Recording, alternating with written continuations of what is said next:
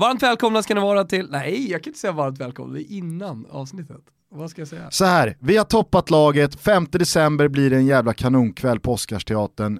Mer än hälften av biljetterna har redan gått åt, så att eh, vila inte på hanen, in på showtick.se eller följ länkarna via våra sociala medier och säkra en plats för dig och polarna. Ha en jävla topptorsdag i Stockholm, eh, så hoppas vi att vi ses. Ja, verkligen. Som jag sa här innan, jag hoppas vi ses. Nu kör vi Toto.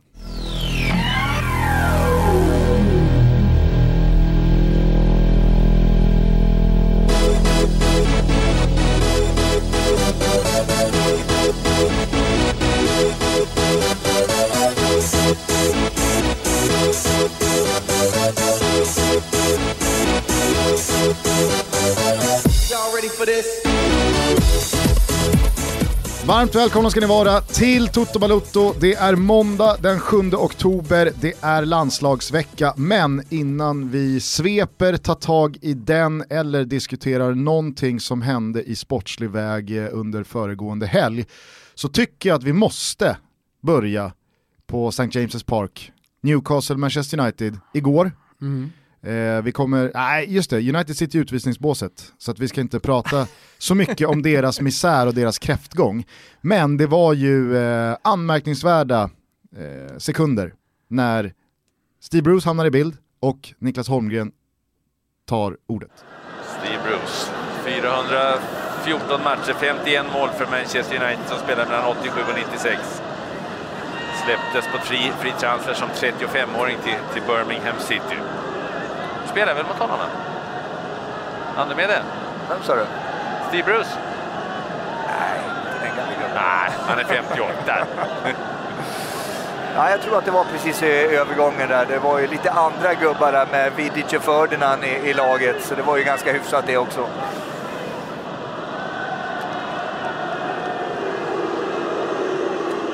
Men det är klart, jag mötte ju... Ferdinand var ju första gången jag mötte honom, då var han i West Ham. Mm. Då hade faktiskt inte han lämnat. Nej, så gick han till Leeds och sen gick han till Manchester United. Så att jag tänkte det... Han spelade ju fram till 1996 eh, för Manchester United, Steve Bruce. kanske är så gammal. Jag tror nog dessvärre att du är det, Pontus. Vad är det som händer här? K-Mark tror alltså att han har spelat mot Rio Ferdinand och Nemanja Vidic i Manchester United. Mm. Eh, han är ju väldigt säker också på att han inte, eller väldigt säker, men han, han har ju liksom en, en tydlig minnesbild av Steve Bruce och när han eh, liksom lägger av, jag vet inte ens, stämmer den? Har, nej, han kanske har spelat nej, han, mot Steve alltså, Bruce? Allting avslutas ju med att han, han säger för sig själv, jag kanske spelar mot Steve Bruce. Kanske är så gammal. Ja.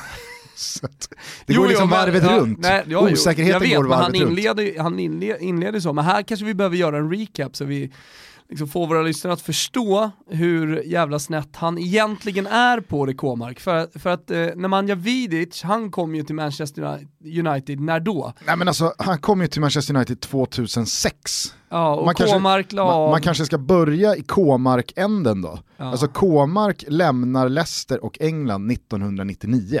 Mm. Eh, att han då, att han då liksom blandar ihop Rio Ferdinands karriär med klubbadress och möttes de. Ja, det kan jag väl ändå förstå för att Rio Ferdinand, han... Fast kan man ändå förstå det? Här är det ändå väldigt tydligt liksom, ja det, det är Rio Ferdinand, Vidic-tiden, det är då eh, K-mark eh, spelade mot Manchester United. Alltså det, det, är klart att, eh, det, är klart att det, det, går att höja på ögonbrynen ändå, men han har ju rätt K-mark att han mötte Rio Ferdinand när Rio Ferdinand spelade i West Ham som jo, pojkspoling. Men det är inte det han menar. Men jag menar, men Rio, okay, Rio Ferdinand honom... går ju sen i tre år till Leeds Exakt. innan han ansluter till Manchester United 2002 och ytterligare då fyra år senare, 2006, mm. då kommer Nemanja Vidic och då bildas då det här mittbacksblocket eh, Ferdinand Vidic som var så framgångsrikt under Sir Alex. Jo alltså, men det är att, ett historiskt ja, mittbackspar. Ja, ja, exakt. Det är det, det han det, pratar om att han har spelat Det är det som är så jävla sjukt. Det, där är han sju år snett på det. Och det är inte så att han så här, hur fan var det nu, utan han är ju tämligen säker när han nästan, ah, det var lite andra, annan nivå på gubbarna då va, Holmgren? Snacka Steve Bruce här, vänta bara, när jag lirade. Och det är så fint, Holmgren som oftast, alltså, han har ju alltid mål i mun och går på volley. Han blir alltså, tyst bara. Han blir helt paff. Börjar rota i papperna, vad fan. Här kom han till, gjorde, har jag missat något här? När till och med Niklas Holmgren inte vet vad han ska säga. Men jag tror Då vet att man att hade- någon är ute och hojar. Hade K-mark varit någon säsong snett på det, då hade ju K-mark sagt, eller då hade ju, då hade ju Holmgren då kanske bollat upp det, men här blir han så jävla ställd. För här, här blir det ju så fel så att han, han liksom, den tilten som K-mark är i under sändningen, den drabbas ju även eh, Jo men vi kan, vi kan väl bara ta liksom så ett, ett eh, exempel på hur snett tidsmässigt K-mark är. Det här är alltså som om någon som var med och spelade i AIKs Champions League-upplaga 99, Ja. eh, efter det lägger av. Det måste ju finnas någon. Limpar. Mm. Anders Limpar trappar väl mer eller mindre ner på allsvensk nivå efter Champions League-eran AIK. Va? Mm. Ja men eh, absolut. Då är det som Eh, att... alltså Christer Nordin trapplar väl också ner? Ja men Han fortsätter ett par, till. Ja, par jag år tänker- alltså. Ja du tänker någon som lägger av typ direkt efter. Exakt, ja, men ta typ... Eh, ta, eh, Ola Andersson, har nej, han, men, pallar hans knä så jävla mycket till Ola var efter med. 99? Ola var med i Champions League, men du kanske har rätt, han kanske inte spelade så mycket efter 99. Nej. Då är det som att Ola Andersson, det är ju kul exempel i och med att Ola Andersson också, eh, nu har han ju slutat i, i Viasat-studion, men att han hade suttit Han där- slutat? Ja, ja, det är fullt fokus Sirius nu. Jaha. Nej men eh, det är som att Ola Andersson då sitter och så börjar, eh, så börjar diskuteras Anders Svensson. När han då kommer hem till Elfsborg. Ja. Och Ola, alltså det gör ju Anders Svensson inför 2006. Ifall Ola då hade, man mötte ju, man mötte ju Anders i, i Ja, de, eller- de möttes ju i AIK och Elfsborg innan då Anders Svensson lämnade. Fast vet du vad, det är Messi exempel. ett bra exempel. Ja, mötte du Messi på den tiden? Ja, alltså, i, för att AIK mötte Barcelona Ja, precis, i Champions League. exakt. Så då är det som att Ola Andersson, för jag tror att Messi debuterar väl typ 2005. Mm. 2006 är han ju med på ett litet hörn när Barca går till eh, Ja, men Champions unge- Det är League-final. en bra jämförelse i alla fall. Jaha, Ja, jag mött, då är det som att han säger så här. Om, om Steve Bruce då är Ronaldo, alltså den riktiga Ronaldo, Ja. Il Fenomeno. just det. Ja, nej, den gamla gubben mötte man ju aldrig. Men det var ju Messi, det var inte så dåligt det heller, som jag mötte. Och Ola Wenström då, vet inte vad han ska säga. Nej, så han blir bara tyst. Holmgren sitter tyst där också, Kåmark sitter bredvid och nickar med. Jag förstår, jag förstår. Själv sprang man ju in i Vidic och Ferdinand och grabbarna. Nej, det var kul! Eh, vi kan väl bara lyssna två sekunder till bara hur, Mm. hur det lät när han sa det. Ja, jag tror att det var precis i övergången där. Det var ju lite andra gubbar där med Vidic och Ferdinand i, i laget, så det var ju ganska hyfsat det också. Annars då Tompa, landslagsvecka. Intensiv helg och vecka bakom oss. Vill du börja med svepet eller vill du bara börja med hur du mår? Eh, jag kan börja med svepet eh, för att eh, jag känner också när det har varit en så intensiv helg, inte minst då gårdagen som inleddes med lunchmatch och sen avslutades efter tolvslaget med att Zlatan gick i mål i grundserien. Så blir det så här, man har, man har allting, mm, ja det är bara huller om buller i skallen. Så kan du bara se till att mappa upp allting. Är du med? Sätt lite kategorier, få ordning på min ADHD-skalle. Ja, eh, kan bara börja med att braska att Zlatan är inte en del av svepet. Han gjorde ju mål i natt, men Galaxy torskade, men de är ändå till slutspel. Carlos Bela eh, vinner skytteligan. Han dunkar in en hattrick. På tal om Bela och Backe så vann ju eh, Green Shoe Mm. en stor titel igår. Igen. Rakade in eh, 2,3 millar. Satan alltså. Det är 230 kex rätt in på Mr Backs konto. Så. Åh vad bra de mår! Ja, ja. Eh, fint också att se Lasse G i en eh, sån här trav keps neddragen i, i facet. Å andra sidan så passar han ju bra, alltså det är ju väldigt mycket Lasse Granqvist med en trav keps Ja, nej, kul med Zlatan, ännu roligare med Greenshoe måste jag säga, en sån här dag. Eh, hörni, eh, i Serie A-premiären var det va, så gjorde Napoli 4-3 sent mot Fiorentina. Då sparkade Thomas Wilbacher sönder vår skrivare. Mm. Så att, eh, det har varit lite strul sedan dess, därför så har jag nu svepet på min telefonskärm. Oj. Kan bli lite hackigt då, eftersom det är så jävla litet typsnitt. Kör vi! Den så kallade supersöndagen levde verkligen upp till förväntningarna då först både Bayern och Diffens respektive kortsidor ramade in Stockholmsderbyt med kaoskorrar av högsta snitt. Det var långt ifrån en lika sprakande start på matchen, men när lagen känt och klämt på varandra i 45 minuter brakade det loss i andra halvlek och när krutröken lagt sig hade Bayern sprängt upp guldstriden på vid gavel. Detta då Gnaget gjort jobbet mot Örestjärt och Malmö lite senare slog Göteborg knappt men klart. Huva! Vilken rysare det här blir. Nere på kontinenten visade Inter och Juventus upp Serie A från sin bästa sida med ett av de bästa derbyn jag sett på väldigt, väldigt länge. Det italienska derbyt då, så inte någon får en stroke. Den gamla damen tog sista tonen och nu är det helt plötsligt det ifrågasatta, hackande och mätta Juve som är i topp. Obesegrade och på uppgång. Hova var det Atalanta tog tredje raka, lika Sofio, detta mot Ken Kasemas Udinese. Yttern blev dock överglänst av andra svenskar denna runda då Matte Svanberg var bäst i Bologna när de blåröda tog en pinne av Lazio. Kryss också för Napoli och Roma där de sistnämnda givetvis fick se Robin Olsen storspela i Cagliari och i en uppmärksammad situation i 90 minuten så blev Romas vinstmål bortdömt. Tränare Fonsecas topplock flög all världens väg och sportchef Petracchi konstaterade att precis hela jävla Italien är emot Roma. I Spanien fick vi se en överkörning på Camp Nou när Barcelona slog Sevilla med 4-0. Det enda märkliga var att det var Sevilla som körde över Barcelona. Och eh, de Jong, han sov nog inte många minuter i natt när han tänkte på vilka lägen han brände för gästerna i den första halvleken. Marängerna, Real Madrid slog Granada och på tal om marängsviss, Eden Hazard gjorde sin första strut för de helvita. Va? Jag på det va? Det är ett tjockisskämt. Delikat.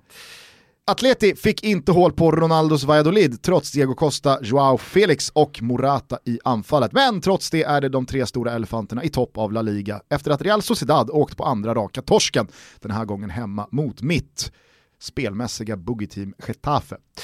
Tyskland är Gladbach nya serieledare i en historisk jämn tabelltopp efter att Bayern mycket oväntat torskat hemma mot Hoffenheim och på tal om oväntade hemmaförluster, Manchester City fick istället för att själva göra mål på Wolves på Etihad se den oljade blixten Adama Traoré rulla in två och nu är avståndet till vinstmaskinen Liverpool hela åtta poäng. Visst var de rödas straff i slutet egentligen diskutabel, men eftersom VAR är här nu och är världens bästa uppfinning så kan man inte ifrågasätta den längre. Ifrågasätta kan man dock göra Spurs, och Manchester United som båda kammade noll vad gäller poäng och gjorda mål mot drakarna Brighton respektive Newcastle.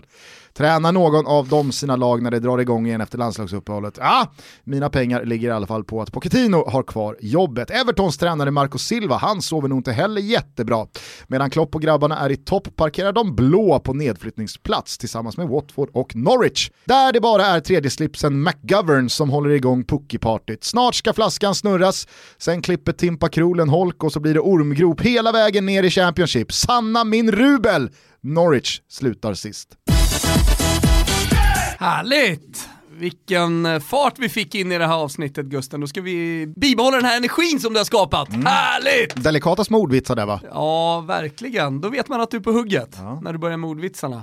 Eh, vart vill du börja? Utomlands eller inrikes? Nej, vi börjar inrikes tycker jag, så tar vi ner det. Mm. Det, det, det, känns också så jävla aktuellt i och med att derbyt var igår och eh, idag så sitter alla, eller står vid kaffeapparaterna på sina arbetsplatser och pratar om det som hände, om domsluten och utvisningen och chanserna Djurgården hade. Men ändå, Hammarbys då, sätt att ja, avsluta den här säsongen på, eller sättet de håller på att avsluta den här säsongen på, som ser ut att fan kunna bära hela vägen. Ja.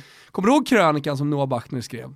Om att det här, det här kan nog mycket väl bli Hammarby. Vilka ska kunna stoppa Hammarby? Precis, eh, och då låg de hur långt efter då? Nej men det var väl 7-8 poäng pinnar. och man höjde, ändå på ögon, man höjde ändå på ögonbrynen och tänkte så här, jo fast det är väl Djurgården och det är ganska Malmö många lag i toppen. Ja, framför. Exakt, och ja. de, ja. Eh, nu, nu undrar man ju, vilka fan ska stoppa Hammarby? Ja, ett rimligt svar på den frågan är väl Malmö. Eftersom man möts i nästa enda, omgång. Det är det enda som är kvar. Är, ja. vinner, vinner Bayern den, då, då går de rent. Jo, jo, absolut, men ett utvilat Malmö Eh, jag säger att de spelar en final, ja de spelar om SM-guldet. Ja, ja, jag säger bara att det är ett rimligt svar på frågan vilka ska kunna stoppa Bayern. Ja, Malmö är väl ett bra, Exakt, det är ett bra tips. det är ett jättebra tips, men det är också anmärkningsvärt att vinner de den matchen, hej, mm. då, då är det nog guld alltså. Ja, Samtidigt som då Malmö har väl fortfarande en 4-5 eh, bollar bättre målkvot va? Vilket gör att skulle Bayern vinna så är man ju fortfarande på samma poäng, men sämre målskillnad och då har ju Malmö fortfarande lite i egna händer gentemot Bayern för att vi ska ju komma ihåg att herregud, Djurgården har ju då förutsatt att Bayern tar poäng av Malmö eller rent av vinner. Ja, då har ju Bayern, eller då har ju Djurgården superslagläge igen. Men Djurgården ska åka och möta Blåvitt på bortaplan som har gjort det bra, man, jag tycker man gör en en, en bra insats mot, mot Malmö igår. Jag säger dock inget om, precis som jag nämnde i svepet, att, att eh, poängen skulle ha fördelats annorlunda. Men insatserna som Göteborg har stått för här nu på bortaplan mot AIK och Malmö har ju varit stabila. Så jag tror att Djurgården som åker ner där med, med en torsk och förlorad serieledning i ryggen, det är nog inte tre klara går, där. Och samtidigt går det att då... spekulera i att uh, IFK Göteborg eventuellt lägger sig för att inte Malmö FF ska vinna guldet? För där Nej. finns ju en stor rivalitet. Nej, det tror jag inte. Det tror du inte? Nej det tror jag faktiskt inte. Vadå, det, alltså, det, det går inte ens att bolla upp det? Jag tror att det är lite skitsamma faktiskt. Nu, nu är jag ett väldigt... Alltså väldigt, Rosenbergs väldigt, armbåge väldigt, mot Norrköping när Göteborg jag också kan säga så här, mot... Jag är ett väldigt dåligt språkrör för IFK Göteborgs supportrar. Det är den första att tillstå. Okay. Men jag tror att det lite är så här ja, något annat stort nej, lag nej, kommer ju vinna guld. Nej, nej, jag, jag, nej, nej, Och så går man mot Häcken i liksom Jag kan säga, jag är ett bra språkrör. Okay. Änglarna, och eh, jag, jag, kan säga att IFK Göteborg-supportrarna vill inte att Malmö FF vinner guld. Alltså ta min Dachman i din mun. Inte en chans att man lägger sig mot Djurgården. Inte en chans. Precis lika lite chans. Jag säger bara att IFK Göteborgs-supportrarna, och sånt kan ju också sippra ner i en eller två spelare och förstöra eller ta bort 2% motivation i matchen. Jag, här handlar det inte om ett, eh, en kollektiv läggmatch liksom, från alla IFK Göteborg-spelare och Poja och alla inblandade. Jag pratar om procent och promille ja, alltså... som gör att man kanske förlorar den matchen.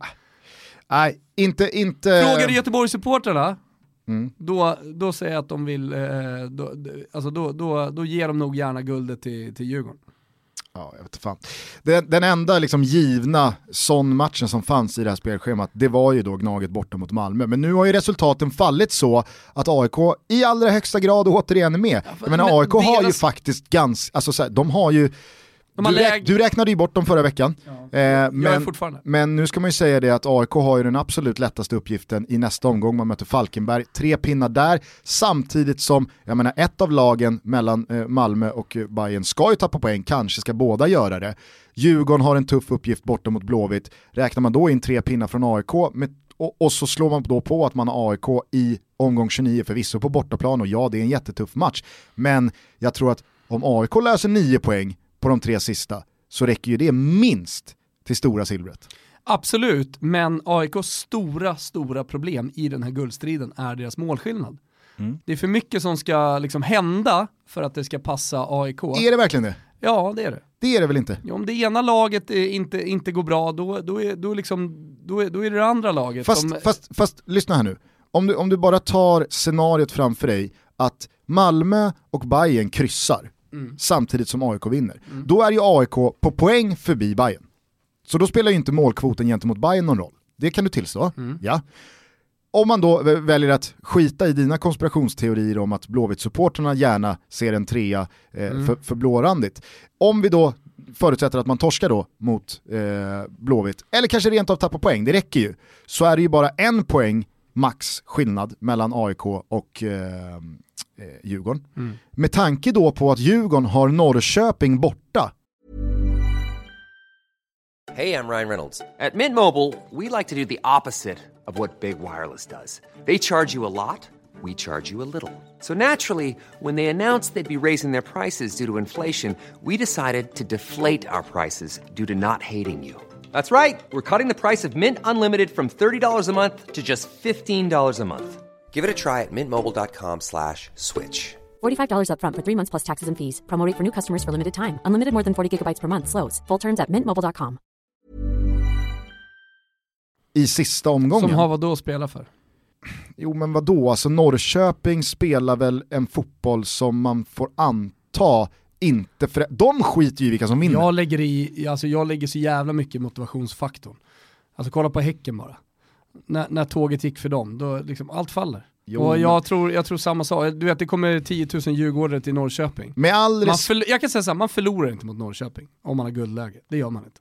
Nej, men ett kryss räcker Man kryssar ju då. inte heller. Fast om, om, det, om diffen bara är en poäng före AIK då, Mm. så går det ju att, eh, då, då räcker ju inte ett kryss, givet då att AIK vinner. Och, och, och, nu, nu, nu, alltså så här, nu räknar jag bara på AIKs chanser Ja, till guld. vet, jag vet. Jag vet. Och visst, du säger att det är mycket som ska klaffa, det köper jag också. Men alla fyra lag har ju faktiskt en fullt realistisk chans coola. på guldet. Det är och det, det coola. är ju helt otroligt. Ja, och, och att det är fyra stycken publiklag, eh, fyra stycken stora lag eh, som, som är med om det. Fyra stycken satsande lag också. Eh, exakt som du mycket riktigt sa tidigare. Mm. Men nej, ja, och det, det är ju en, oavsett, vi kan ju spekulera hur mycket som helst, och det är ju roligt, det är ju det man gör idag va.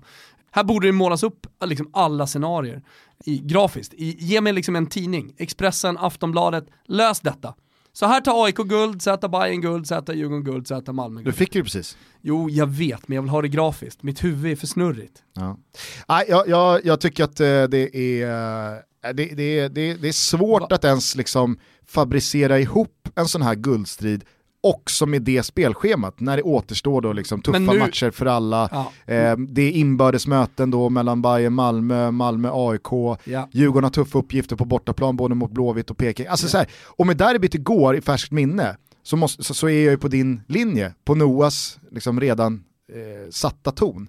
Att Bayern ser så fruktansvärt stark ut. Jag var så jävla övertygad om att Djurgården skulle vinna derbyt igår sett till första halvlek. Fram till pausintervjun som Tankovic gör hos Pileby, när han är liksom, han är rasande på hur dåliga Bayern är och han fattar inte liksom så här, hur kan man inte vara på tå, hur kan det inte vara liksom så här taggat i tänderna, jag fattar inte vad vi håller på med, vi gör en så jävla usel insats. Då, då visste jag, bra, det här vinner Bayern. För att nu, det här, det här, Tills det här Jesper Andersen tar rött kort. Jeppe, Vad sa jag då? Jesper, Jaha, Jeppe. Jeppe.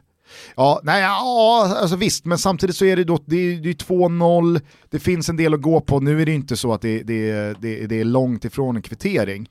Eh, men jag tycker ändå att, eh, jag tycker att Bayern vinner rättvist.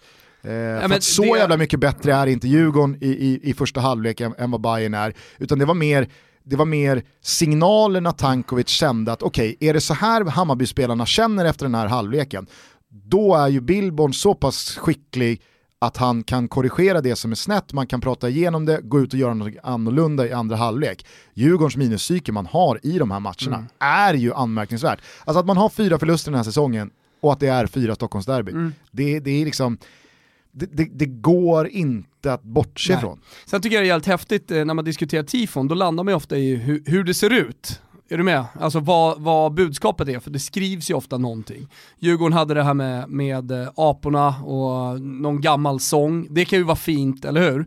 Eh, men när... eh, Mm. Du menar i, i, matchen mot AIK? Mot, eh, mot AIK, jag kommer Ja. inte ens ihåg hur den gick, men eh, det var bamburör och de spetsar små Mm. råttor. Det jag vill komma till, det är när en tifogrupp verkligen träffar rätt i tillfället med budskapet och också lyckas med eh, koreografin att på något sätt förmedla den känslan som är bland supporterna och den enda känslan som man tycker ska gå in i spelarna.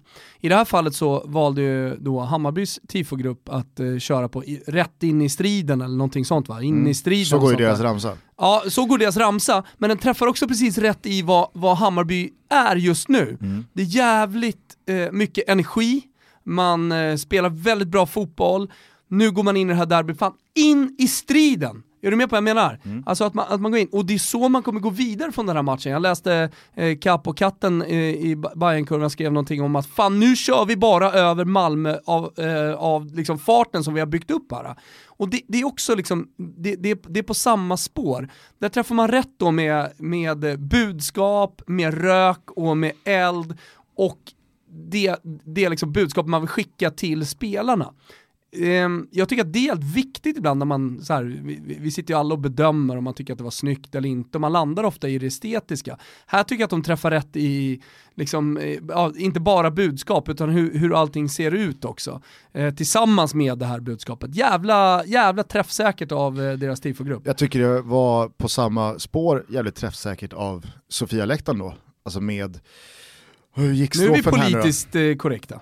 Nej men att vi hyllar båda. Ja, nej men, ja. men alltså så här, Men det är inget vi har deras, snackat ihop oss deras budskap var ju inte, det var ju inte riktat då på samma sätt då mot det sportsliga, att nu går man rakt in i striden vad gäller, vad gäller det fotbollsmässiga, utan där var ju tajmingen jävligt vass gentemot den ja, men den säsong som har varit mellan eh, supporterkulturen och polisen, villkorstrappan och så vidare och så vidare när de då kör det här är alla dårars dag, vi skiter fullständigt i ordning och lag och sen så är det ett kaostifo av högsta snitt med Absolut. både rök och bengaler och alltså det, det var ju konfetti. Och jag konfetti är det så var- jävla fin Ja. detalj. Ja, jag, jag, Bangers och konfetti, det är, det, Ja, det är två att det är underskattade detaljer. Mm, men då vet, då vet man det är allvar. Och jag håller helt med dig. Bara att jag fastnade så jävla mycket för just det budskapet och ja, när jag läste katten efter och liksom allting som Hammarby har byggt upp nu under hösten och sen rätt in i striden. Ingenting annat. Nej. In och ta den, in och vinn den. Ja, Jag tyckte det, var, det, det, det är en underskattad faktor i, i koreografisammanhang. Den ramsan är väl, eh, melodin är från Magnus Ugglas va? Hand i hand. Hur går den? Hand i hand, tillsammans gick vi kvinna man. Tycker du om Magnus Uggla? Ja, jag älskar Magnus Uggla. Mhm. Var det Fredrik Wikingsson som en gång twittrade att fan, ibland, ibland så slår det mig hur jävla många bra låtar Magnus Uggla har skrivit. Mm. Och det är sant, han får inte den cred han förtjänar. Ja, men då kör ju Han har väl aldrig fått väl- en schysst recension i hela sin karriär. Ah, typ det är väl inte. klassiskt. Men Bayerns ramsa är väl då grön och vit, tillsammans är vi Hammarby. Eh, och tillsammans går vi rakt in i striden. Och det var därifrån.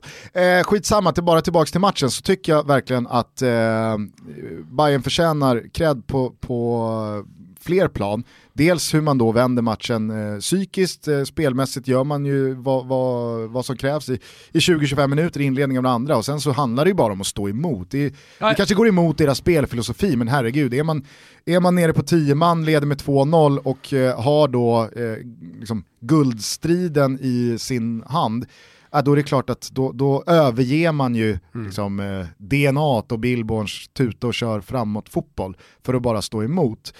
Ehm, sen är det klart att det är tunga ehm, avstängningar man drar på sig. Dels Jeppe Andersen som, alltså det är sån jävla onödig eftersläng. Det var roligt, jag kallade Jeppe Andersen i Eurotalk Weekend förra veckan, för då pratade vi dels om Arsenal-Bournemouth och sen om den här matchen, när vi då pratade upp eh, Europatipskupongen.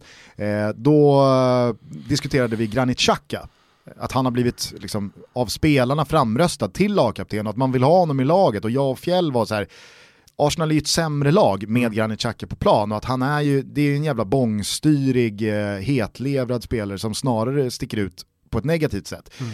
Med det sagt, jag tycker Jeppe Andersen är en fantastisk fotbollsspelare, men det brinner ju hans huvud lite för ofta. Det är ju ett par matcher den här hösten som han har legat märkligt nära ett rött kort, borde, ha, borde ha fått det ett par gånger. Och, och att, att ta det där gula i det läget, som lagkapten, det är, så, det är verkligen, det, det, är, det, är, det är sekunder av idioti. Så jag kallade ju eh, Jeppe Andersson för Bayerns Xhaka i weekend och så tar han det här röda kortet. Han var ju väldigt ångerfull, nu löser det sig med. ändå. Ja, jag var nöjd med. Nej, men jag tyck, det var ganska talande då att han berättade att han kramade alla en gång extra i omklädningsrummet efteråt. Men, men Tankovic eh, avstängning också, det, det är klart att det är kännbart. Men jag tycker att Bayerns bredd här nu i, i offensiv riktning eh, visar upp sig. Ja, ja. Sen, Nu kan, man, nu kan man bli av med sen- Jeppe Andersen, men får in Junior. Sen växeldrar de också lite grann, att ena matchen så är det Djurdjic Mm. som gör det, som har en jättefin form just nu. Andra matchen så är det Tankovic, han har inte, lik, han har inte samma målform som som Djurdjic har just, just nu, men han har ju haft den målformen tidigare. Så Ja, de, de, de samtidigt har ju som, eh, verkligen så här, Rodic öser in mål och nu är det Khalili som Just får stå det. utanför när Kacaniklic är tillbaka. Så att, alltså, Ja. att man tappar Tankovic, visst, det är klart att det, det, det är ju kanske he, sett över hela säsongen Bayerns bästa spelare, men Här, Ehm. här och nu så behöver det inte betyda jättemycket. Och sen så tror jag också att alla är så trygga i de positionerna. Och, och, eh, eftersom de har också har roterat en del så kan de komma in och göra bra matcher. Du nämnde Khalili till exempel. Eh, när, när han fick komma in i somras, ganska kall ändå och direkt leverera. Det säger ju någonting om vad Billborn har byggt upp, alltså en trygghet i de positionerna som de har. Mm. Men alltså, du pratar ju ändå här eh, i generella termer om momentum och att det är guldstrid och toppstrid och att nu, alltså så här, det handlar så jävla mycket om motivation. På samma sätt så borde ju du då ganska högt värdera vad det innebär för Djurgården att man åker på den här smällen igen, att man blir av med serieledningen som man har haft, eh, jag vet det inte sjuka, hur länge. Det sjuka med Djurgården, det, det är ju att de hela tiden har rest sig efter derbyförlusterna. Du nämnde det tidigare, de fyra matcherna man har förlorat i allsvenskan den här säsongen är derbyna. Mm. Men ändå så har man lyckats resa sig efter det. Man gör en bra avslutning, jag tror att sånt har man också med sig. Jag tror att alla Djurgårdsspelare eh, grämer sig jävligt mycket men, men är sura över att de inte har fått in bollen där på slutet för det var så extremt nära. Att man tar med sig det. Eh, man är återigen otroligt nära att eh, lösa det man har gjort många gånger under säsongen, nämligen poäng i sista kvarten. Så att, eh, ja, jag, jag, jag, jag tror inte att det här på något sätt ger dem en mental törn. Det tror jag inte. Jag, jag vet inte fan alltså, jag, jag, jag tror ändå att du är inne på... på samma sätt som att man kan få upp lågan ännu mer, alltså att en vinst föder nästa vinst och att momentumet blir en tro och tro blir en övertygelse och övertygelsen smittar av sig några procent på ens kapacitet. Är det någonting som Djurgården vet så är det ju resas efter derbyförluster. det, det, det, kan de fan. där, där, har de rutin. Det kan de fan. Ja, ja jag vet inte, jag, jag, jag tror ändå att så här, i ett sånt här skede av, det pratade ju Norling om också efter AIKs seger mot Örebro, att vi har sagt till varandra hela veckan att fan, nu, nu vänder vi på det här. Mm. Alltså nu, nu, nu har alla räknat bort oss och nu, nu har alla liksom spottat och, och sparkat på AIK, vår pissiga fotboll. Men vad fan, vi är med. Mm. Vi är med. Och så går han ut och liksom, och så, och så går AIK ut och Visst, det kanske inte det, det är inte klang och jubel. Nej, men det är inte klang och jubel. det är en bättre prestation än tidigare. Absolut. Men mot ett avsågat örat. Ja, eh, men alltså, så här, det är ju Örebro å andra sidan, ja. alltid. Alltså, det är ju, det är ju de är ju avsågade ja. från maj. Vi är fortsatt sponsrade av BMW och nu kan väl ingen ha missat deras nya One-serie, the one and only. Nej, det hoppas jag verkligen inte. Och jag tänker ju framförallt då på våra ambitiösa lyssnare. Vi har väl några ambitiösa lyssnare. Här har ju då BMW skapat en ambitiös bil för den ambitiösa människan. Och eh, du har väl inte heller missat att eh, jag har kört runt i den här Nej. lilla pärlan de senaste dagarna. Det har eh, krupit i min kropp av avund. ja, när det... du har kört Kungstensgatan upp och ned. Ja. Så jävla härligt när bara man trycker igång den. Och brum, brum, brum. Men du... Jag har stått där på trottoaren och så har jag känt Jäklar vad ambitiös han är. ja det kan jag tänka mig att Jäklar vilken ambitiös bil. Nu finns ju möjligheten då, för våra lyssnare, att få en dejt med the one and only. Berätta. Kommer du ihåg Kit? Nej. Ja men Kit. Bilen som pratade, tv-serien. Minns du inte det? Nej, du var lite för liten då. Men det var ju en bil med känslor och... Jag kommer ja, ihåg Night man, Rider. jo men det, det är Kit jag snackar om. Jaha, Kit är, bil, bilen i ja, Night Rider? exakt. exakt. Ah, ja, ja. ja, och de pratar med varandra och alltihopa så här. Nu kan man prata med the one. Jaså? Det är insidan och det är utsidan som räknas. Och då kan man gå in och chatta. Och den the one väljer i slutändan får en gratis provkörning i tre månader. Det handlar ju alltså inte bara om en dejt, det handlar ju om en relation va. Och sen så kan man ju bestämma sig efter om man vill liksom fortsätta. Men tre månader gratis.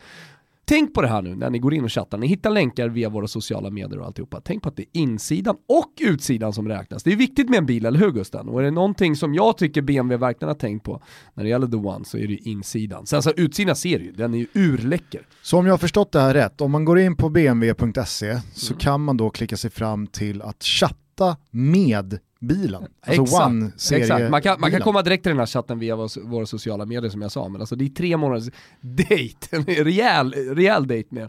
Så att eh, in och, och se om just du kan matcha eh, med the one. Men eh, vill man gå direkt till provkörning så kan man väl göra det också? Ja, ja, ja. Det är lätt att boka. Det bör man göra. Det bör man göra. Hörni, vi säger stort tack till eh, BMW för att ni är med och möjliggör Toto Balutto. Stort tack! Jag tycker ändå att vi från det kan gå över till alltså Malmös form också. Alltså nu spelar ju de i Europa och det är tufft. De har haft Christiansen skadad. Eh, där, det, det är nu de breda trupperna, precis som för AIK förra säsongen när man fick alla de här skadorna, det är nu de breda trupperna verkligen kommer till sin rätt. Och det, det, det är ju väl det som i slutändan kanske då som avgör. Alltså om Malmö vinner SM-guldet, då, då kan man verkligen prata om att det var den breda truppen som gjorde det. Hur ska man annars kunna spela både i Europa, med skador och vara med i en tight guldstrid? Så att, eh, och den matchen man gör mot Göteborg igår, visst, nu fick Göteborg ett rött kort också. Men eh, jag vet inte om du, om du såg den, men det är ju en överkörning.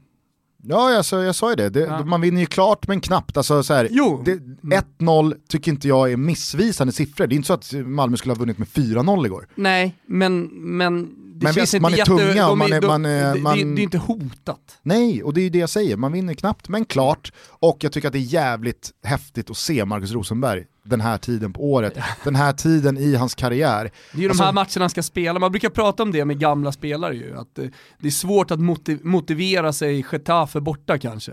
Men är det ett El Clasico eller ja, vad det nu är, då, då, då växer de största spelarna, det är då de kommer fram. Eh, Rosenberg är ett ypperligt exempel. Sen så visst har det gått lite inflation i hans, nu spelar jag mina sista matcher här i och med att han har ångrat sig ett par år i rad. Men nu får man väl ändå återigen då tro på honom eh, och jag kan tänka mig att han nu känner att vi kan faktiskt bomma SM-guld. Det är inte bara att hämta ytterligare ett SM-guld nästa år igen. Tar man då tillbaka SM-bucklan, man spelar återigen Europa League i gruppspelet, oavsett hur det går där med avancemang eller inte, det återstår väl att se. Men jag tror att Rosenberg nog känner att vinner vi bara det SM-guldet, då slutar jag där jag ska sluta. Och jag tycker det märks på hans insatser, för helvete vad bra han är i sådana här matcher. När det handlar om de små detaljerna, så stå rätt, eh, det handlar om dueller, det handlar om positionering, det handlar om att läsa spelet. Där är han ju på en egen nivå. Men på en egen nivå. Så som han läser ett, eh, en, en passning i Göteborgs straffområde tidigt i matchen igår, alltså han är så påkopplad och det är, ba, det, är, det är 20 år rutin Ja. hur han läser den. Det är inte att han är kvick eller att han har eh, tryck i baksidorna, utan det är bara erfarenhet. Och så eh, hur eh, i den här utvisningen då, då alltså det är ju så som han skäller på domaren. Det är väl Ekberg va? Och visar, drar ut tröjan själv. Det är det som får alltså det gula kortet åka upp och att det blir en utvisning. Duellen i sig, jag tror att det är, så här, det är känsligt läge, ja, det kanske hade varit så här, det, det är inte 8 av 8. Nej det är det inte. Men när Rosenberg blåser på hårtorken mot domaren, drar i tröjan, förmodligen skriker nu tar du upp det där jävla kortet, annars, ja, du vet, På skånska. ja. då åker kortet upp. Mm. Alltså, och det var ju samma sak mot FCK. Det är lite trevande, det är lite liksom eh, hackigt, det blir några skador, det blir ett snöpligt underläge, men det är han som gör, alltså, Mm. äh, jävla mäktig han är Rosenberg. Alltså. Ja, han är mäktig. Men du, eh, på tal om mäktigt, alltså vilken mäktig söndag det var. Eh, För mig personligen så var det ju extra mäktigt i och med att allting började med Fiorentina.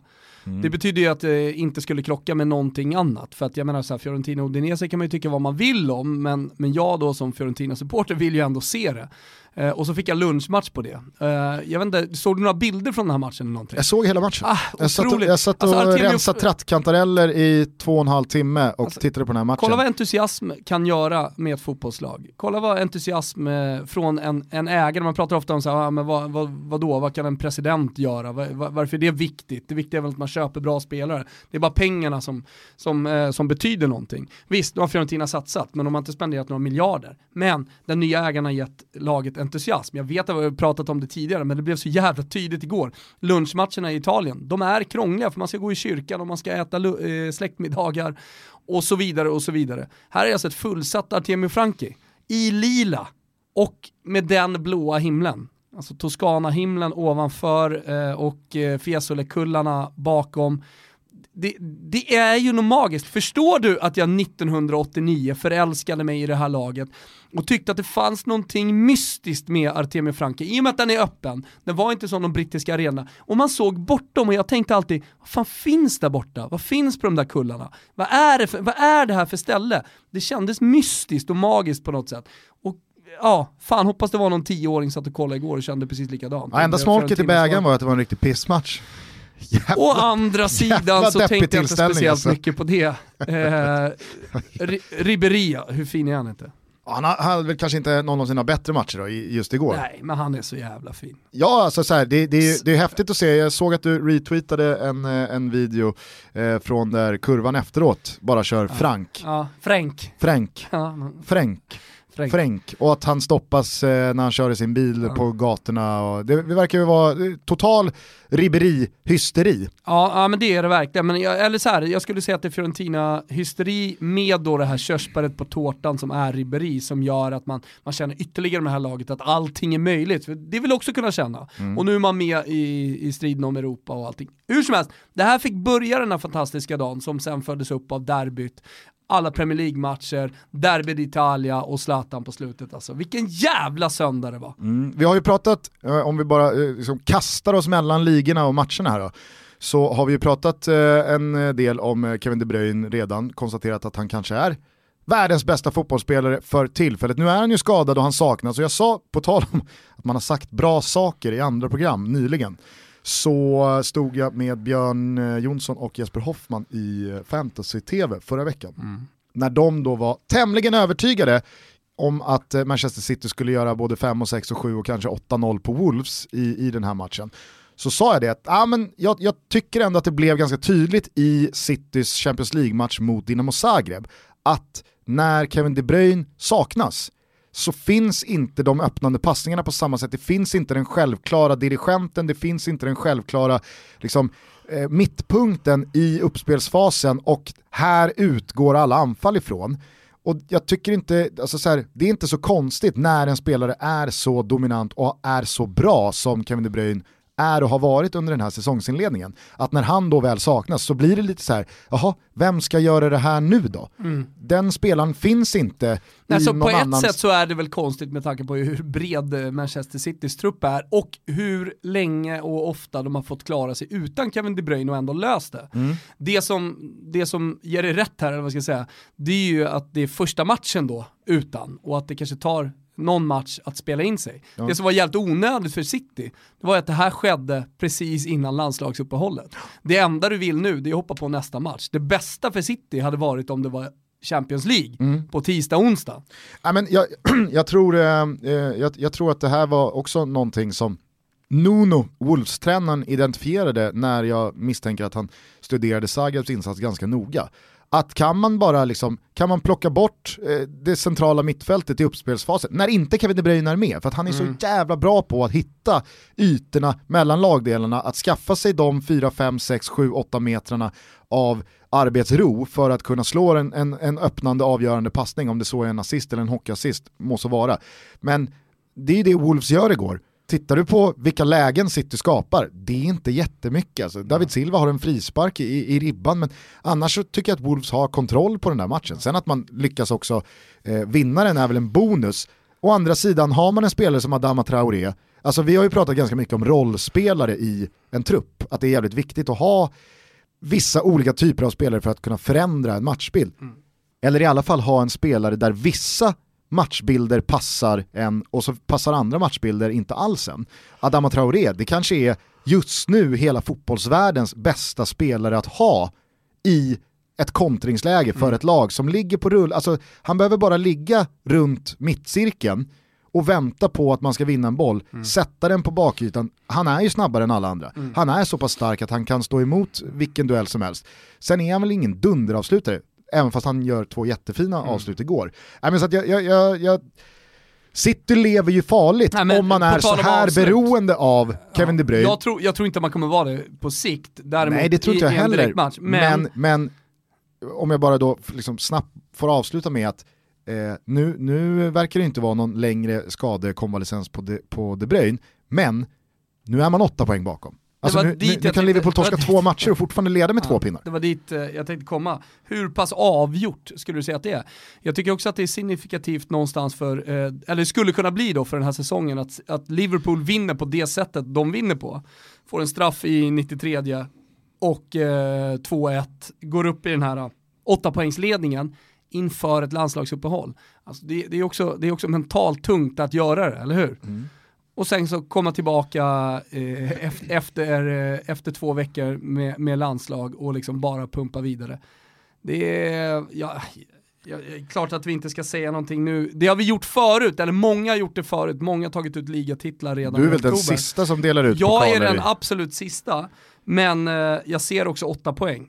Och jag ser ett Liverpool som, så här, hade det varit Liverpool som hade gjort eh, sex mål per match, släppt in två, ja men då hade jag kanske varit lite orolig om eh, Mohamed Salah hade gjort eh, liksom tio mål. Eller någon annan hade varit så extremt viktig i, eh, eh i offensiven. Men nu är det kollektivet som har tagit eh, den här inledningen med storm och sett till att man har en åtta målsledning. Ja, det... och, och du var inne på det tidigare också. Liverpool har ju fortfarande inte visat sitt bästa jag tror jag. Men det är lite Juventus. Här, det är lite Juve, exakt. Som, man, man, man, har undrat så här, jo men spelet kanske inte riktigt funkar till 100% och så var det några Liverpool-supportrar som undrade, hur fan kan ni säga det? De leder ju ändå ligan och har gjort allt det här. Det är inte det vi menar, utan det är hur det ser ut på planen och hur vi vet att det faktiskt kan se ut. Det är klart att det är sjukt imponerande, men nästan ännu mer imponerande då, att man leder och jag tror ändå man bara ligger på fyrans växel. Ja, men alltså, om man då jämför med Juventus så var det ju en match då mellan Inter och Juventus igår där Inter står på sex vinster på sex omgångar. Juventus hade inte imponerat eller övertygat i en enda match och nu leder Juventus ligan fortfarande obesegrade. Mm. På samma sätt så är det ju med Liverpool att man har 24 av 24 poäng utan att man egentligen i speciellt många av de här åtta matcherna har visat fjolårssäsongens högsta växel. Mm. Det är ju superimponerande. Jag tycker att Liverpools bästa match hittills, det är väl Arsenal hemma. Mm. Sen så har ju Arsenal, ju längre den här säsongen har lidit, visat mer och mer att det kanske inte var någon superfjäder att sätta i hatten. Men jag tycker att eh, det är det som imponerar mest med Liverpool, att man står på 24 av 24 möjliga utan att ha visat jätteklass i, i speciellt många matcher. Mm.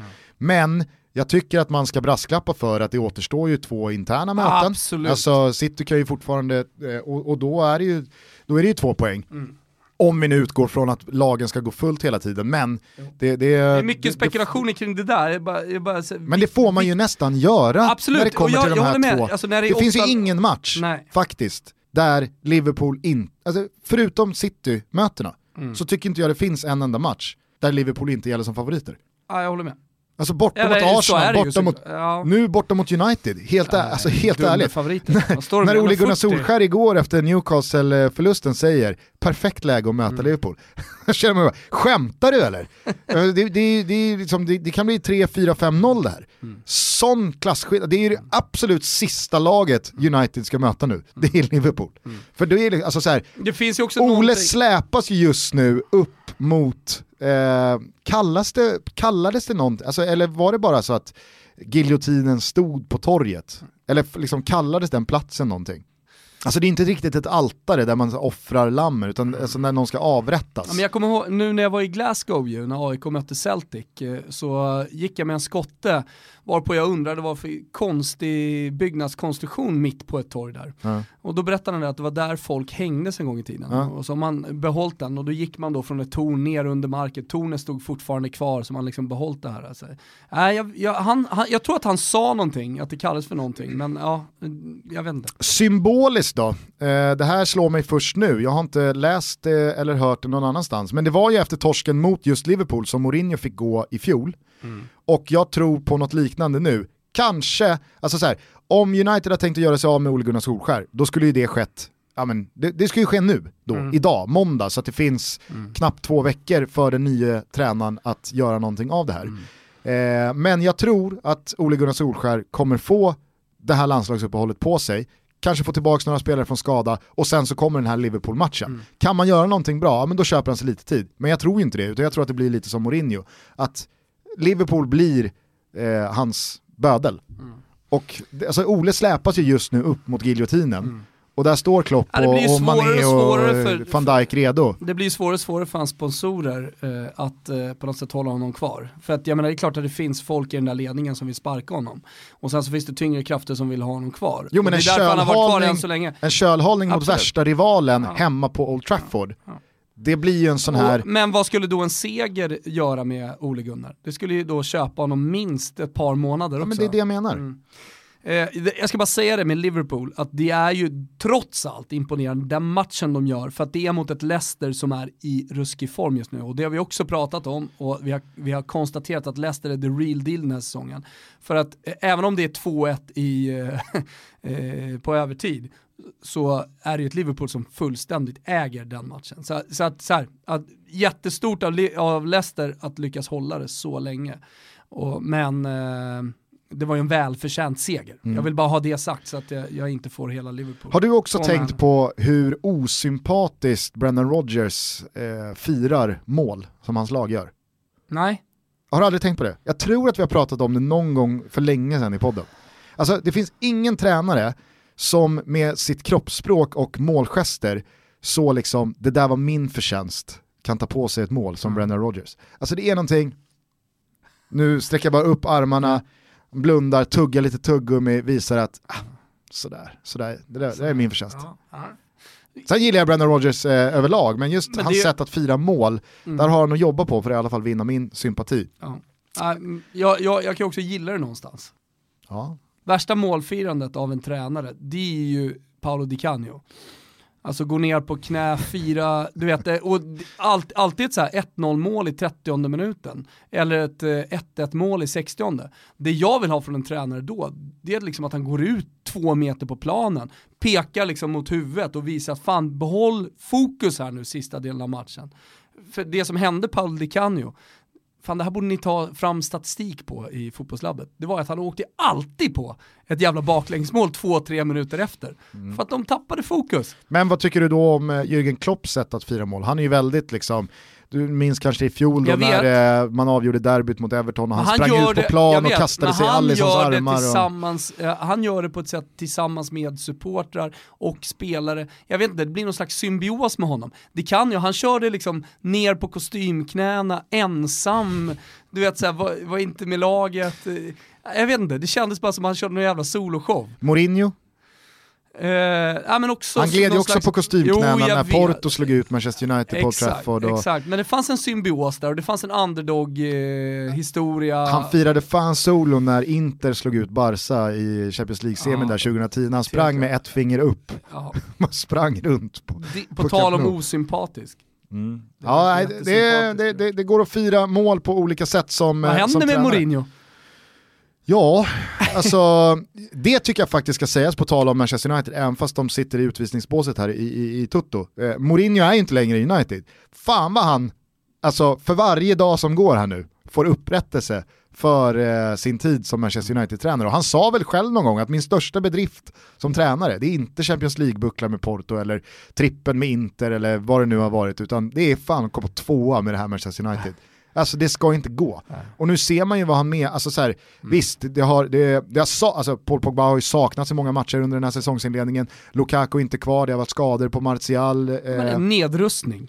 Såklart, men det är ju fortfarande, alltså, det, det är fortfarande ett lag som man nu börjar förstå inte direkt har underpresterat utan de är inte bättre än så här. Det, det, Sen går det, det alltid, inte svårare än så här. Som tränare så går det ju alltid att överprestera och det går att liksom konstatera att det var en överprestation då kanske av Mourinho när han kom två med, med det Manchester United.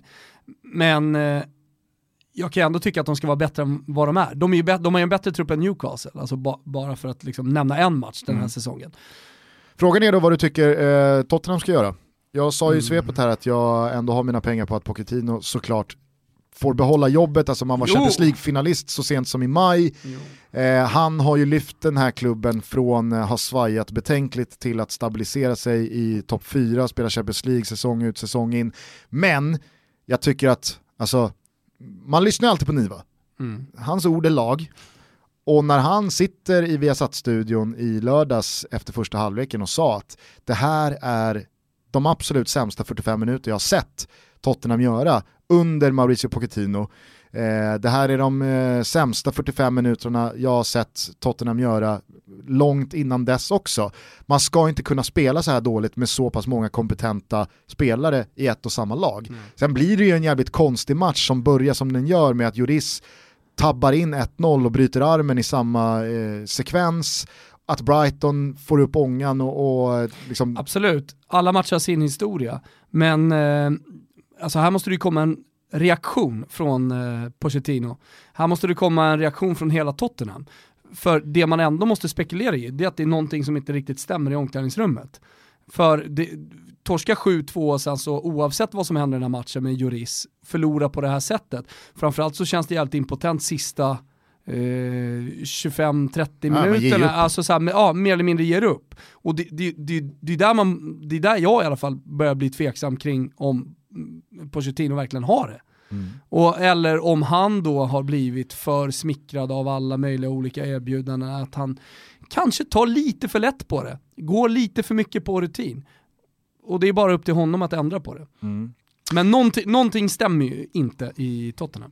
Samtidigt som man eh, ska hylla Brighton och Graham Potter alltså. Nu, Kul nu, att det är Potter som gör det. nu var det ju deras blott andra seger, men alltså, om, man, om man synar den här säsongsinledningen i Premier League i sömmarna, som jag och väldigt många andra gör, så tycker jag att Brighton har förtjänat kanske rent av 4, 5, 6 poäng till. Alltså man ska slå Newcastle i den matchen, man tappar 3, till, 3 poäng till en mot Burnley på tilläggstid. Alltså, Brighton är ju de är ju på riktigt. På samma, på samma sätt som Graham Potter med Östersund visade att vi kommer åka på några smällar för att vi har inte kvaliteten på de individuella spelarna jämfört med många andra lag, så har han ju övertygat med sitt sätt att spela fotboll att det här är i längden vägvinnande. Det kommer bära frukt mot dels lag som har bättre spelare men som inte är påkopplade och gör en, en bra prestation. Men framförallt så kommer det ju vinna mark mot jämbördiga lag som slåss om lite samma målsättningar som Brighton. Frågan så, är som om det han, inte är... så som han har förändrat Lewis Dunk.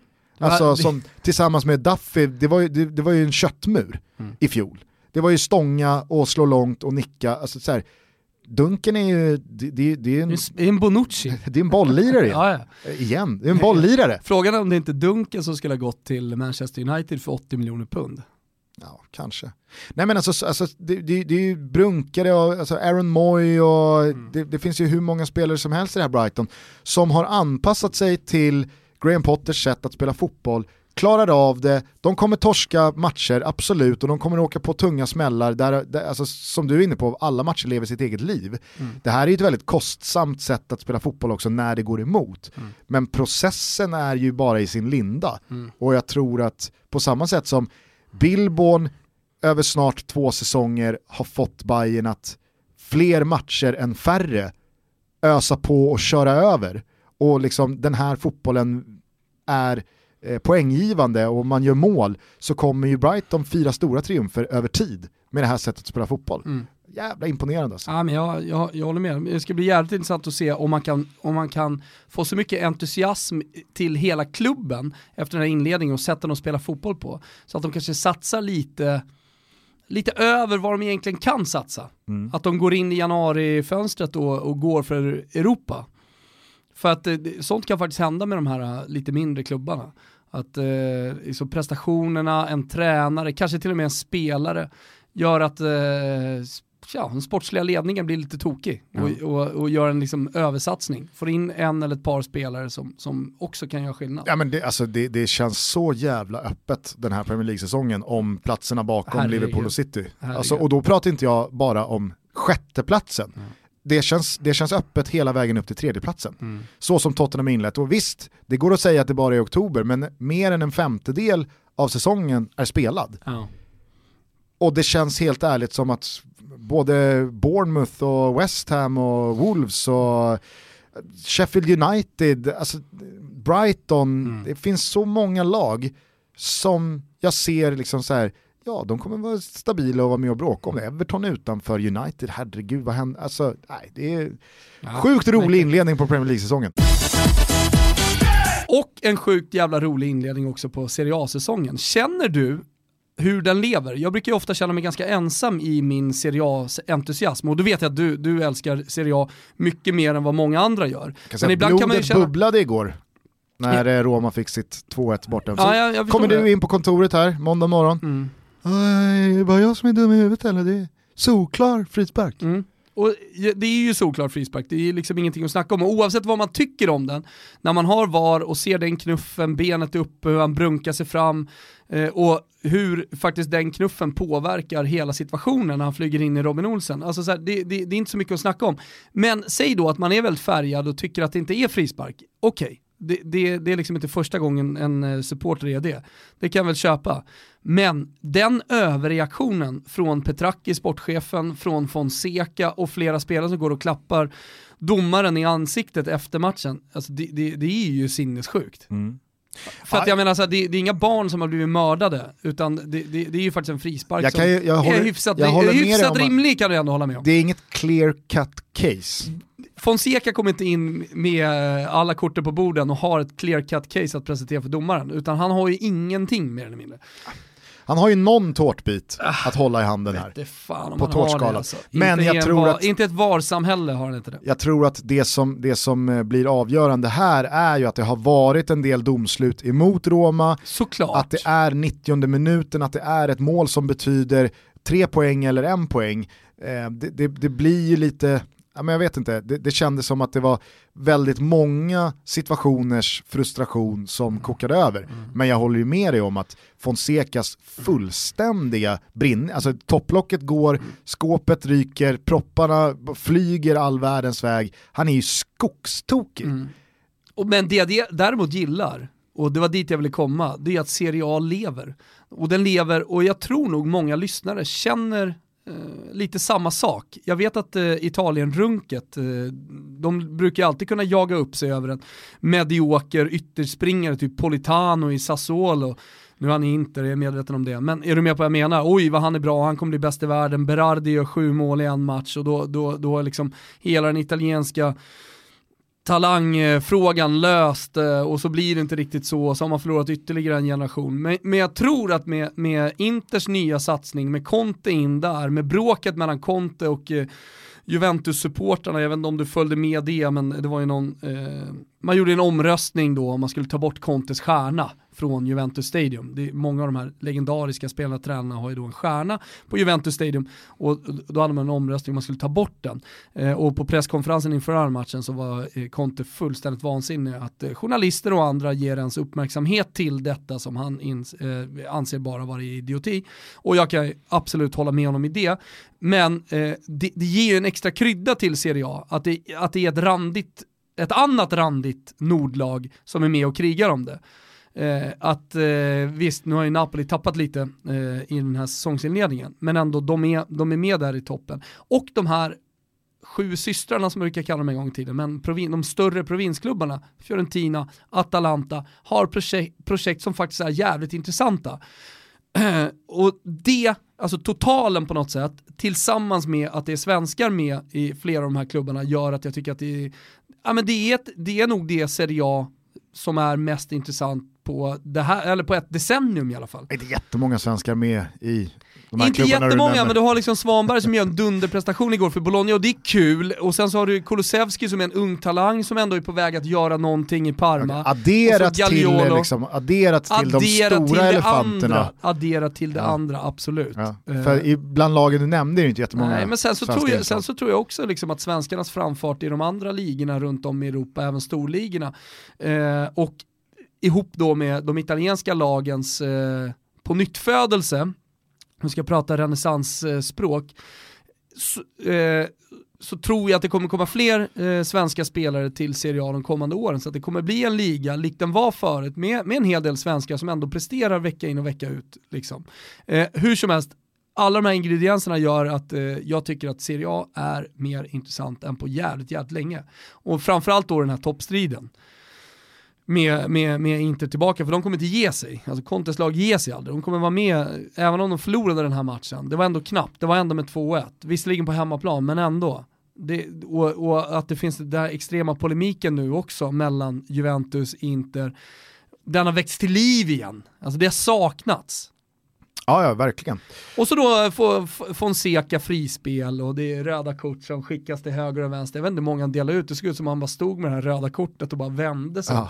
Hela Roma-laget, jag tror inte han ens själv vet vilka som fick röda kort. En matig rapport. Det blir en jävligt Som matig rapport. in. Ja, Eh, men på tal bara om... eh, Robin Olsen nämnde jag inte som svensk. Eh, Albin Ekdal i, i Sampdoria. Ja. Mm. Nej, men eh, på tal bara om eh, tränare som eventuellt får behålla jobbet eh, när eh, landslagsuppehållet är över. Nu vann ju eh, förvisso då Milan, men Gianpaolo verkar ju hänga rejält lös.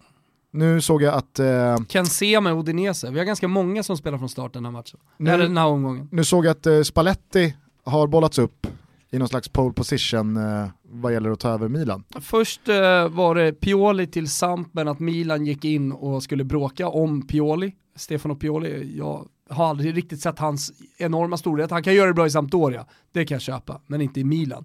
Då är det nästan som att man ersätter Gianpaolo med en liknande karaktär. Spalletti däremot, han har varit i storlag, den förstår jag eh, på ett betydligt mer rimligt sätt. Men får jag bara fråga, har du sett eller hört någonting om eh, Mourinho till Milan? Nej, ingenting. Är det, en, är det en helt omöjlig ekvation att få ihop? Inget är väl omöjligt i den moderna fotbollsvärlden, men eh, så nära omöjligt som eh, jag kan tänka mig i alla fall, alltså med tanke på hans, alltså så här, att han inte behöver Milan. Det hade varit en sak om han hade behövt Milan, men jag, Mm. han behöver inte Milan, utan då kommer han till ett sämre, men, ett sämre lag än vad han var i Manchester United. Ett lag som har ha- eh, halkat snett. Tänk dig Milan med Mourinho och så kommer eh, Zlatan till, Ja, till vintern. eh, eh, Hej, jag är den första att omfamna en sån tanke. Ja, nej, det blir jävligt spännande att följa Mm. eh, Mourinhos eh, nästa jobb. Hörde du, eh, kul att du fick upp eh, ångan igen här då för eh, Serie A, eller den har väl aldrig... Ja men Svalnat alltså jag, jag har ju alltid haft den, men jag, jag tror, Och hoppas. nu med Serie A, ja absolut, men, jag- men jag tror, uh, nu med Serie A på Simor uh, så det gör det tillgängligt för alla och dessutom för en jävligt billig peng, att det gör det, snackade med Olenklint till exempel, han är ju överlycklig att kan se det linjärt, alltså så att du inte behöver, behöver streama det, utan de som vill se det linjärt kan göra det. Du bara liksom knäpper på tv, jag tror att det fortfarande finns en jävla kraft i det. Eh, så, det- så, liksom ihop med allting, alla ingredienser, jag, jag tror att, eh, och jag tror inte svenskarna är en, en liten ingrediens. Nej. Kan se med landslaget, Svanberg i u landslaget Kulusevski i u landslaget Gagliolo och Ekdal är också i landslaget. Alltså det, det, det, är ändå ganska tungt. Robin många, och Robin Olsen också, står från start. Alltså hur många, hur många har vi i, i Premier League? Nej, det, det är kraft. Mm. Och han satt på bänken mot Manchester United. Hur många har vi i La Liga? Mötte K-mark kraft? Det, det är faktiskt någonting vi kan, eh, vi kan fundera över. Men eh, i La Liga har vi Alexander Isak, satt bänken igår. Ja, Jige. Och Jige såklart. Eh, vad gjorde han för prestation? Nej, och sen, fan, hej, vi har ju faktiskt Lindelöf. Eh, lätt att glömma. Ja, ja, lätt att glömma honom. Han spelade ju inte den här matchen mot Newcastle, det kanske var lika bra det, eftersom han hade någon ryggkänning efter att ha spelat 90 minuter konstgräs. Men, eh, och sen så har vi då eh, Bundesliga, men det känns som inte li riktigt lika profilerade spelare som i Serie A. Alltså, det skulle, jag, Quaison nog- det skulle jag nog absolut. ändå säga att det är. Det är Ja. ju bara att Bundesliga inte har samma grundmurade intresse och kultur i Sverige. Nej, så, är det ju bara. Det, jo. det är, Nej, men li, li, alltså med Ekdal och Olsen och, och så Fast vidare. herregud, Alltså, så Emil Forsberg, Oskar Wendt, Sebastian Okej Andersson gör mål, okej, Quaison, då. Ludvig Augustinsson förvisso skadad nu men eh, Ja, men man kan nyckelspelare väl, i man kan väl, man kan alltså. väl likställa då de två ligorna, kanske till och med att Bundesliga ligger lite före då i svensk intresse. Eh, men, eh, men när jag nämnde Ken Sema, Robin Olsen, Albin Ekdal, addera till då Svanberg, Kulusevski, som är unga spelare på väg upp, så många, kolla på Svanberg, många Malmö-supportrar då följer lite extra, så sånt gör någonting. Alltså, och och det, det på något sätt bidrar till intresset. Eh, Italien och Serie A följer ni som sagt på Simor, det vet ni, och det gör ni även eh, med eh, MLS här nu när det går in i slutspel med, med Zlatan och hans 30 mål från grundserien. Dessutom då La Liga, såg du Barca-Sevilla igår? Ja. Jävla märklig match alltså. Mm.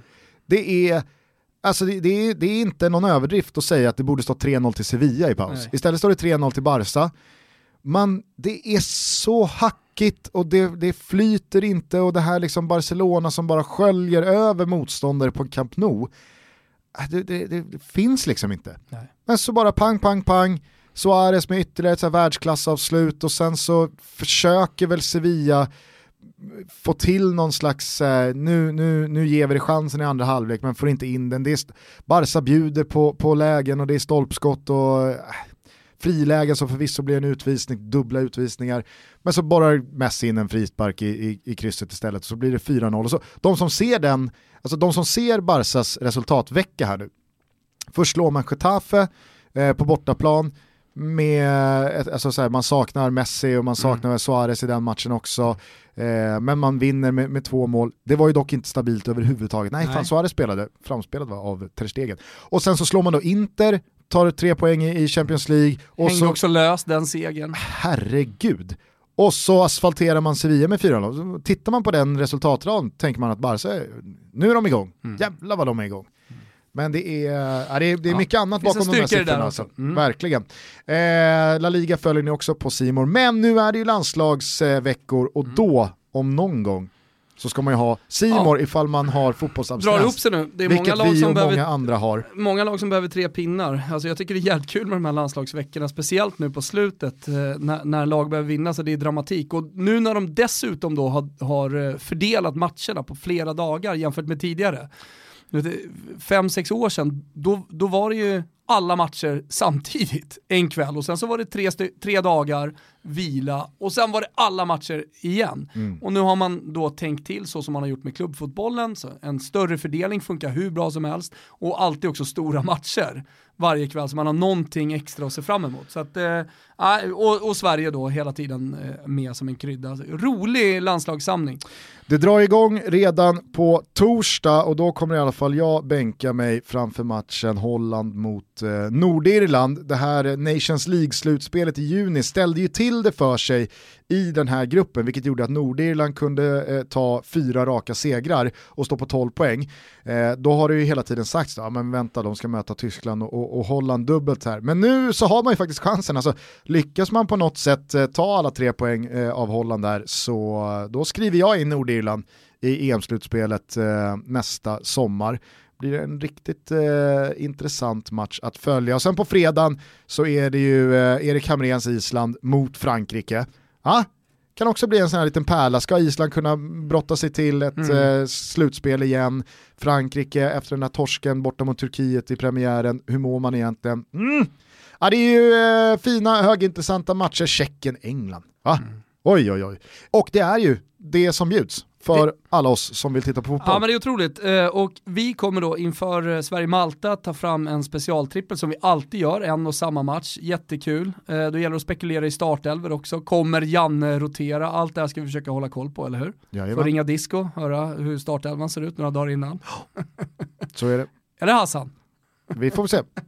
Nej men det är klart att vi tar fram en uh, Toto-trippel uh, borta hos uh, Betsson till Malta-matchen, men jag tror att vi hörs innan dess. Så att, eh, vi kan väl eh, ta fram den trippen till eh, veckans andra avsnitt. Det gör vi. Det gör I och med vi. att det är Malta-Sverige först på lördag. Kom gärna med lite tips. Ja. kan ju bidra. Sen är det inte säkert att vi kollar på dem. Det men ändå kul. Ja. Eh, du tog ingen svep-Pepsi till mitt svep, noterade jag. Nej, eh, vet du vad? Får bli en höstpepsi här nu då, till lunchen. Ja, jag är fortfarande inne, jag har inte lärt mig riktigt eh, svepsin, svep-pepsin, men eh, det kommer skönt att du förtydligat svepsin var svep pepsin. Ja. Men eh, du, du, får, eh, du får helt enkelt eh, gaska upp dig och lära dig det till nästa gång. Ja. Hörni, kul att ni lyssnar på Toto. Glöm nu inte heller 5 eh, december avsnitt 300 på Oscarsteatern, showtick.se eller våra sociala medier för länkar. Biljetterna de eh, rullar iväg. Så här är Gusten, nu tar vi an oss eh, den här veckan och gör det bästa av den. Du ska till eh, Grekland, Jajamän. på Sundgren och Danne. Du skulle följt med? Jag skulle följt med men fick tyvärr lämna återbud. Du vet, det är så med tre barn ibland. Vad är det, vad är det folk säger? Livet hände. Ja, det är ju ett ruskigt trött uh, uttryck. Ja. Uh, och då, då, då är det ju tyvärr sådär med tre barn så händer livet väldigt mycket hela tiden, så ska man hålla på att dra den klyschan. Men uh, när man får tre små barn, om man inte haft det innan, då kommer man att förstå. Och alla som lyssnar på den här podden med barn, de fattar. Nu är det oktoberkupper Gusten, och då gäller det att vara där va? För, för tjejerna. ja, men nu behöver inte räkna med mig längs sidlinjen. Stå och heja på det tjejerna. Gör jag inte. Du har fortfarande Vad var det jag såg förresten på Twitter här i dagarna? Var det Bovallen som var i farten igen? Ah, ja. Som alltså har stängt ner PA-systemet. PA där man då inte får ropa ut tjejernas namn eh, i vilka som vinner. Ja, de hade ju finaler stolta Victoria-cupen eh, som Bo skulle spela och då vill man ju såklart klassiskt Wallenvis va, ropa ut. Nummer 13, Felicia Andersson och så vidare. Men det fick man inte göra, för det var för mycket buller. Ja. Nej, det är för jävligt. ja, det är sanslöst. Det är för jävligt. Mm. De som, eh, de som eh, tar de besluten, vet du vad de är? De är pissfittor. Okej, Och i och med att vi har hyllat Magnus Uggla i det här avsnittet så avslutar vi med Ugglas pissfittor. underbart. Hörrni, tack för att ni lyssnade. Ciao tutti! Ciao till. Jag ser från fönstret på gatan hur en blåklädd